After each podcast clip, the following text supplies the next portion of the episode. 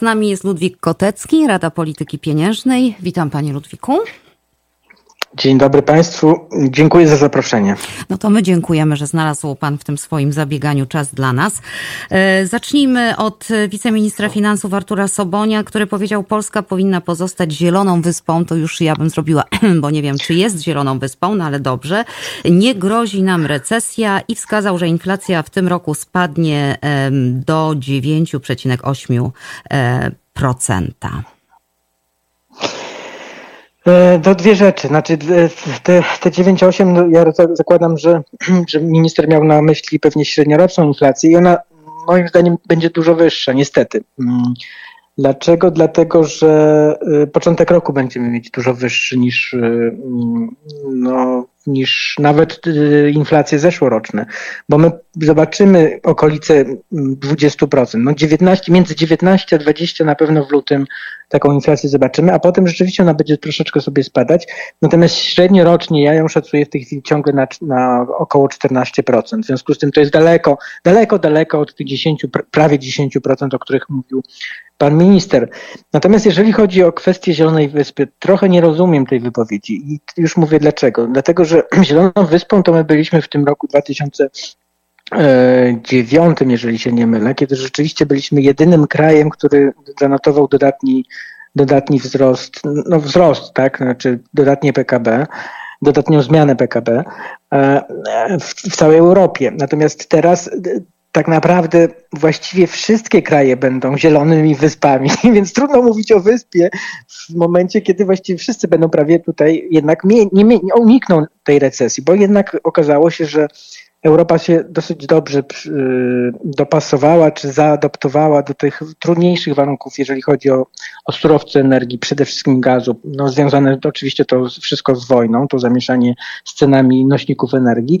No i y, początkowo rzeczywiście padł taki strach, że, y, że to wywoła recesję w Europie, ale jak popatrzymy na dane z no, tych, tych miesięcy, które już mamy, tak, do, grudnia, no to się okazuje, że niemiecki przemysł, który miał być tak bardzo mocno zależny od tego rosyjskiego gazu, rośnie nadal, tak, nawet w grudniu. W związku z tym tu wszyscy odwołują te, ten alarm związany z recesją e, w Europie. Może, może będą jakieś takie dwa, trzy kraje, które gdzieś zobaczą w, kilku, dwóch kwartałach maksimum e, ujemne te wzrosty, ale to jest, to jest wszystko, tak? Znaczy cała reszta, czyli generalnie Europa, Europa zanotuje wzrost. I jeden, jedna, jedna gwiazdka. To, co może niepokoić, e, to jest to, że my rzeczywiście rośniemy w tej chwili jak Unia Europejska, czy jak strefa euro.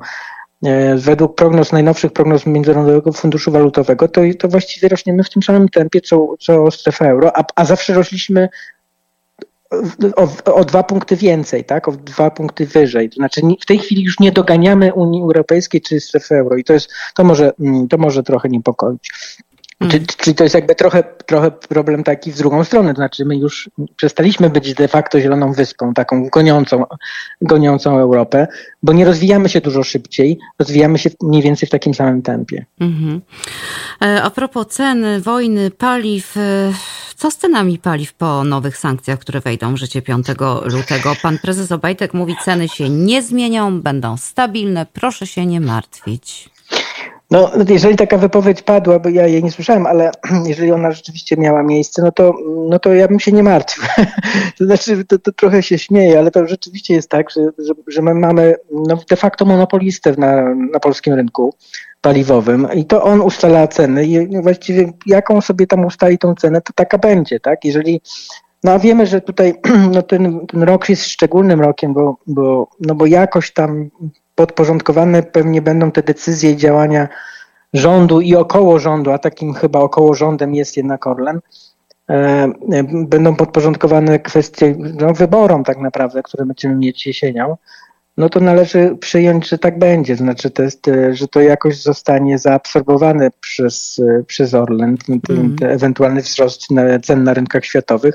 Tak jak zresztą, nie wiem, pewnie Państwo pamiętacie, czy Pani pamięta, tak jak mieliśmy w listopadzie i w, i w grudniu, nie mieliśmy spadku cen, tak? Na tle, bo tak. mimo, że na świecie ten spadek był, to, to Orlen trzymał ceny, właściwie robił tak naprawdę sobie rezerwy, tak to trochę mm -hmm. wygląda.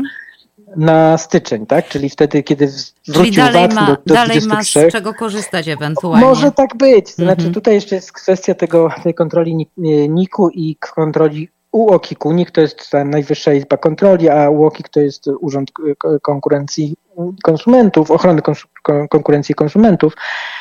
I one mają podobno sprawdzić rzeczywiście, jak, w jaki Mm. sposób działa, działa Orlen. Nikt nie ma wjazdu do Orlenu, o tym już wiemy, Ja wiem. więc nie sądzę. No zobaczymy, zobaczymy. W każdym Wcześniej razie czy później się dowiemy, w jaki sposób ustala, jak, jaka jest polityka cenowa Orlenu, w jaki Dok- sposób e, ustalona. No, wcześniej czy później, byle wcześniej niż później. Wszystko będzie się toczyło Oczywiście. wokół wyborów, jak pan powiedział, bo to rok wyborczy. E, U nas e, tyle w programie Piątek do Góry babami. Na dalszą część rozmowy zapraszamy do podcastu Miesiąc w pigułce, a tam między innymi o kiełbasie wyborczej, wakacjach kredytowych i podatku od e, zrzutek. E, Panie Ludwiku, no właśnie, wakacje kredytowe, mm, kiełbasa wyborcza? No tak to wyglądało. Znaczy, to, to była bardzo dziwna historia, znaczy, bo ona się rzeczywiście pojawiła z nienacka. Wszyscy chyba postawili oczy, to znaczy w momencie, w styczniu, e, może przy, po- przypomnę Państwu, wakacje kredytowe obowiązują te, które weszły w życie w zeszłym roku, obowiązują do końca tego roku.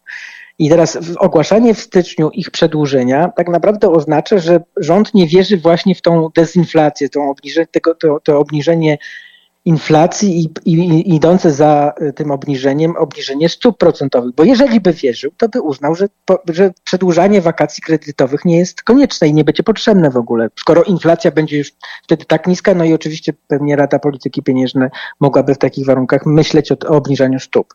Natomiast tutaj w, w, pojawił się projekt przedłużenia tych wakacji, E, Co do, z jednej strony daje sygnał, że, że, że chyba rządzący w tą dezinflację za bardzo nie wierzą, a w szczególności obniż, ob, nie wierzą w obniżki stóp procentowych, a z drugiej strony być może jest tak, jak pani powiedziała, że to jest jakiś taki, taki taka wrzutka, która ma być po prostu kiełbasą wyborczą. Kom, kompletnie niezrozumiała ta, ta, ta propozycja, czy ten pomysł już w styczniu e, o, mówienia o, o przedłużeniu wakacji była i podobno zniknęła. To znaczy, podobno to jest, to zostało jakoś tam e, wycofane, czy, czy, czy nawet e, zaprzeczono tej informacji. Nie wiem, no w każdym razie chyba temat umarł.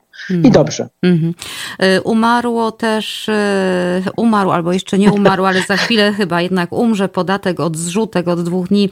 Gorąco było na ten temat, no bo Umrze. jakim prawem i tak dalej. Potem Sejm Tak. przegłosował, a teraz już nie ma tych, co ewentualnie to wymyślili. Gdzieś tam się zrobił po prostu bałagan, jak mówią decydenci. No tak, to, to, to jest w ogóle historia niesłychana, dlatego że naprawdę, to czy, bo tutaj właściwie nie ma winnego. Znaczy, pomysł jest bardzo no, kuriozalny tak naprawdę, bo, bo to miałby być dodatkowy podatek, który by był pobierany od, y, od tych zrzutek do tam po przekroczeniu ponad 50 tysięcy e, przy zrzutkach od wielu osób, czyli nie musiałaby to być jedna osoba, ale nawet, nawet, nawet 100. To znaczy to są takie typowe zbiórki tak naprawdę, czyli prawie wszystkie zbiórki na jakieś tam cele, na przykład zdrowotne, byłyby e, opodatkowywane takim, takim podatkiem. E, I to wydaje się być naprawdę nie, nie, niewłaściwe podejście no, państwa do tego, żeby ludzie, którzy szukają środków na leczenie swoich dzieci, bo tego leczenia nie ma państwowego, e, no oni jeszcze dodatkowo płacili podatek od takiego rodzaju zrzutek.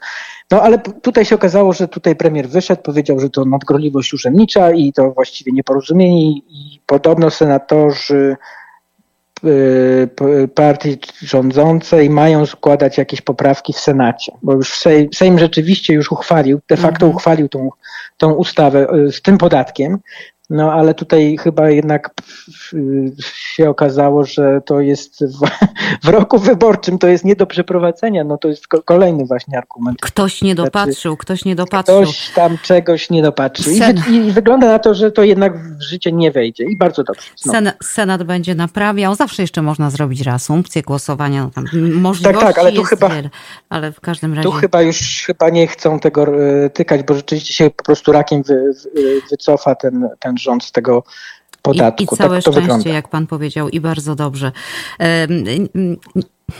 Nie chciał pan o tym rozmawiać, ale ja na koniec jednak chcę pana zapytać, czy chciałby pan być ministrem edukacji? Pamięta pan, było kiedyś takie powiedzenie, cysosz to moklawe życie.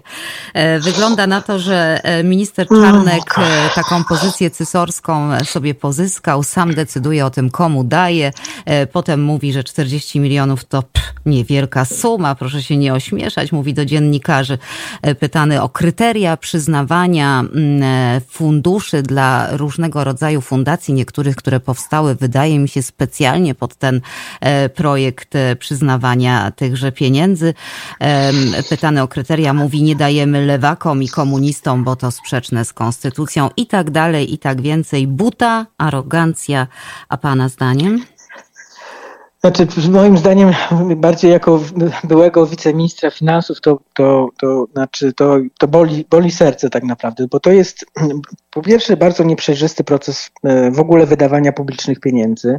Po drugie, prawdopodobnie nierzetelny w takim sensie, że, że no jednak e, wyniki tych konkursów są tak jednoznacznie, można je mm, klasyfikować czy, czy, czy interpretować politycznie, że, że budzą tutaj zastrzeżenia. No a po trzecie, y, no też pojawił się trochę, nawiązując do tych zrzutek, pojawiła się informacja, my mówimy o tych willach, które, które mają być sfinansowane z tych dotacji, właśnie o których Pani mówiła, ale tam jednocześnie media prześledziły, kto nie dostał, mm -hmm. kto odpadł w takim konkursie. No i tam są naprawdę takie bardzo chyba potrzebujące i, i, i, takie fundacje, które ewidentnie potrzebują znaczy wsparcia państwa tak naprawdę. Między innymi tam, tam była jakaś fundacja nie, niepełnosprawnych, mm -hmm. jakieś załatwiające. No w każdym razie, no takie znowu takie, tam gdzie tego państwa jest za mało, no to, to być może te fundacje mogłyby tutaj e, e, zapełniać jakąś lukę, no ale te fundacje nie dostają wsparcia, tylko dostają te tak zwane patriotyczne. No budzi to bardzo duże wątpliwości. No już na, no, co, znaczy to, to nawet nie ma co komentować moim zdaniem, bo to jest gołym okiem widoczne, że tu się coś nie tak odbywa. Pan jest bardzo delikatny, wątpliwości, wściekłość budzi u mnie to, jak to obserwuję i u wielu innych, co tu dopiero mówić o nauczycielach, dyrektorach szkół, którzy tak. też jednym, jednym tchem wymieniają potrzeby i, i wszyscy wiedzą, że szkoły te potrzeby szkolnictwo polskie ma, no ale... No, szczegół, Szczególnie w takich, takich czasach, jakich mamy, jakie mamy teraz. Znaczy to jest jakby, to, to zawsze jest jakiś tam problem, ale szczególnie teraz, kiedy ta inflacja tak naprawdę jest wyższa niż, dużo wyższa w tej chwili niż, e, niż wzrost wynagrodzeń w Polsce. A już nie mówię o, o tych grupach zawodowych, które pani wymieniła, na przykład nauczyciele, kiedy oni w zeszłym roku, z tego co ja, ja mam nauczycielkę w domu, to znaczy moja żona jest nauczycielką, no to tam wzrost wynagrodzeń był około 4% mm. przy inflacji, przy inflacji 14%, tak? Ponad 14,5, 14,4, 14,5. No i, to, i tak samo będzie w tym roku, tak? I, i tutaj e, no, te, te wydawanie tych pieniędzy tak, tak dosyć, no, dosyć hojnie, ale rzeczywiście tylko w jednym kierunku i tak jak żeśmy rozmawiali, e, dosyć podejrzany jakby sposób, no, no to budzi wątpliwości. Także te, szczególnie teraz, kiedy tego wzrostu gospodarczego nie ma, a inflacja jest tak wysoka. Dokładnie tak powiedział Ludwik Kotecki z Rady Polityki Pieniężnej. Panie Ludwiku, bardzo panu za te jakże mm, nieocenione komentarze. Dziękujemy. Bardzo dziękuję. Pozdrawiam. Pozdrawiamy też.